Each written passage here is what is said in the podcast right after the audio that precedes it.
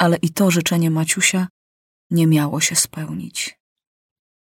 Zamiast minuty cierpień, gotował mu los srogi całe godziny upokorzeń i bólu, a potem lata bolesnej pokuty.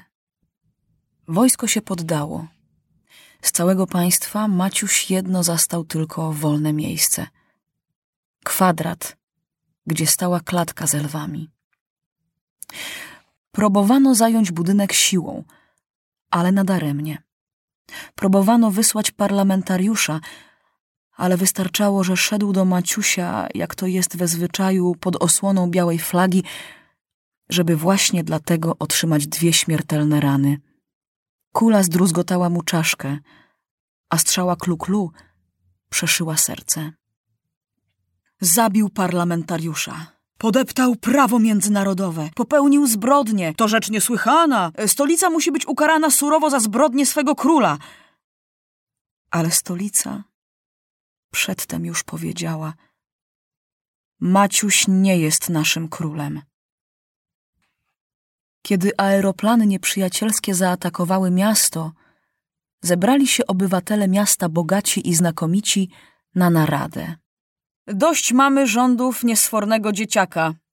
Dość tyranii tego szalonego chłopca. Jeżeli i tym razem zwycięży, będzie gorzej jeszcze niż gdy zostanie pobity. Czy można przewidzieć, co mu do głowy strzeli? Jemu i jego felkowi? Byli tacy, którzy bronili Maciusia. Bądź co bądź, zrobił i wiele dobrego. Błędy jego płynęły z braku doświadczenia, ale że głowę ma otwartą, więc skorzysta z nauk, które mu życie daje. I kto wie, może by stronnicy Maciusia zwyciężyli, ale w tej chwili właśnie jedna bomba tak blisko upadła, że wyleciały naraz wszystkie szyby sali posiedzeń. Wywiesić białe chorągwie! krzyknął ktoś przestraszony. Nikt nie miał odwagi nie zgodzić się na podłą zdradę. A co było potem, wiadomo. Zawieszono hańbiące sztandary poddania i spisano akt, że miasto wyrzeka się Maciusia i nie chce odpowiadać za jego szaleństwa. Dość tej komedii! krzyknął młody król.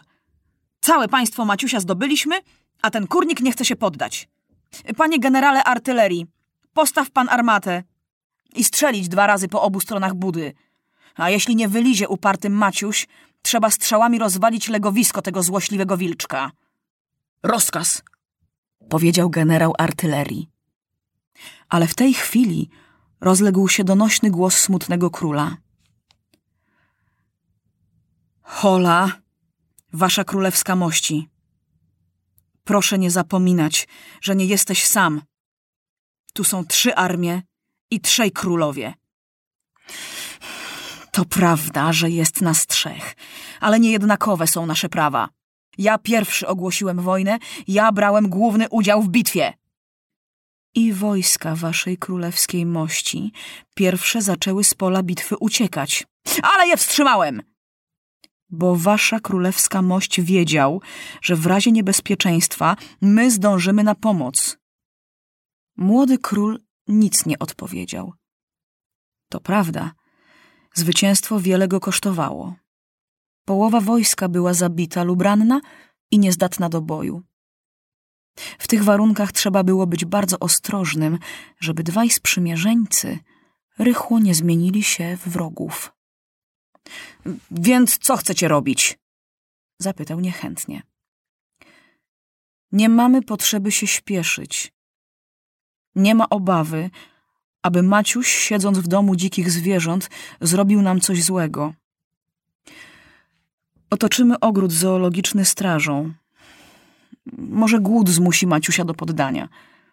A tymczasem spokojnie się naradźmy, co z nim zrobić, gdy go żywcem weźmiemy do niewoli.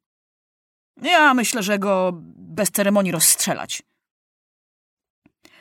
A ja myślę, odparł hardo smutny król, że historia nie przebaczyłaby nam tej wieczystej hańby, gdyby jeden włos spadł z głowy tego biednego, dzielnego dziecka. historia jest sprawiedliwa, krzyknął wściekły młody król. I jeśli ktoś jest winien tylu zabitych, tyle przelanej krwi, ten nie jest dzieckiem, a zbrodniarzem. Trzeci król i przyjaciel żółtych królów milczał. I dwaj kłócący się królowie dobrze wiedzieli, że będzie tak, jak on zechce. A on był mądry. Po co drażnić czarnych królów, których Maciuś jest przyjacielem? Myślał sobie. Zabijać Maciusia nie ma potrzeby. Można go umieścić na bezludnej wyspie i niech tam sobie siedzi. I wilk będzie syty i owca cała. I tak właśnie spisali umowę. Punkt pierwszy. Króla Maciusia trzeba wziąć żywego do niewoli. Punkt drugi. Zesłany będzie na wyspę bezludną.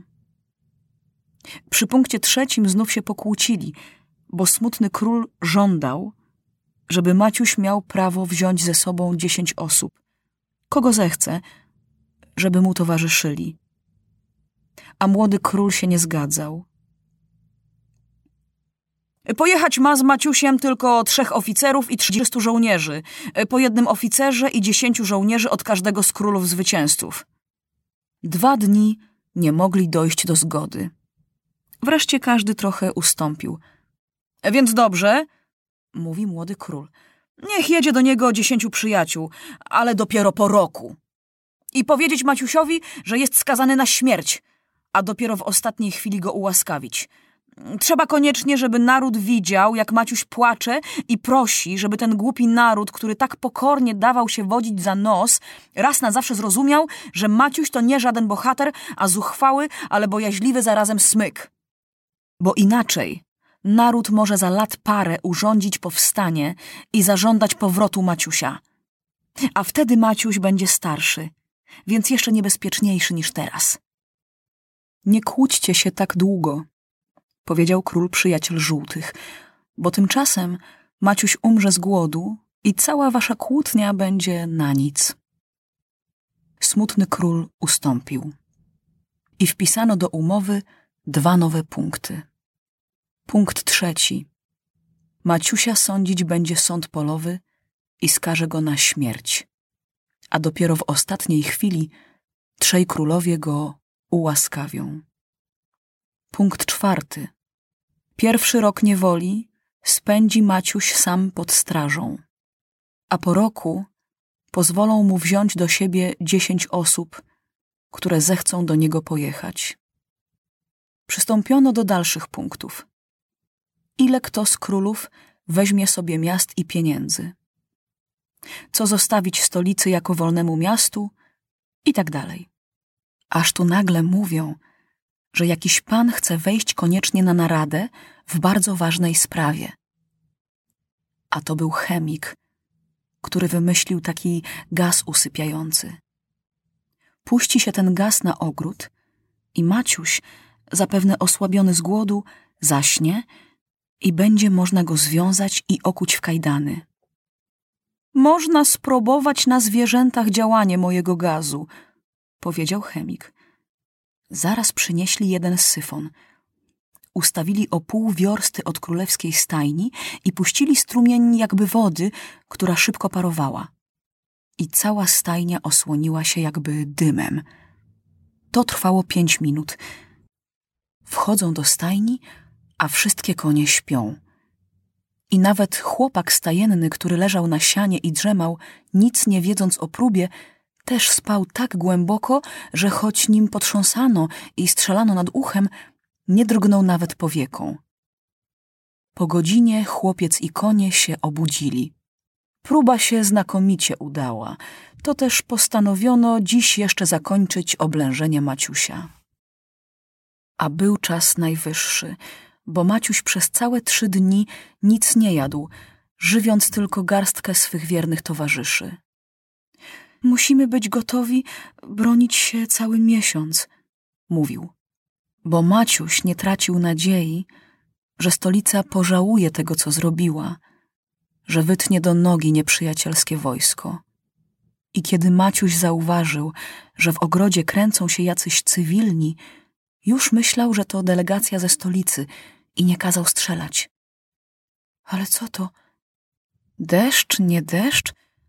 Jakiś zimny płyn uderzył tak mocno w okna, że parę szyb aż popękało. Potem mgła czy dym, w ustach i w nosie jakiś słodki smak i duszny zapach. Maciuś sam nie wie, czy to przyjemne, czy przykre. Chwyta karabin, bo, się domyśla podstępu, a, ale ręce mu zaczynają ciężyć. Wytęża wzrok, by przez tę chmurę dojrzeć, co tam się dzieje. Baczność! krzyczy z wysiłkiem. Chwyta powietrze coraz szybciej. Oczy mu się przymychają. Karabin wypada z ręki. Maciuś nachyla się, by go podnieść, ale już wstać nie może. Robi mu się wszystko jedno. Zapomina, gdzie jest. Zasnął.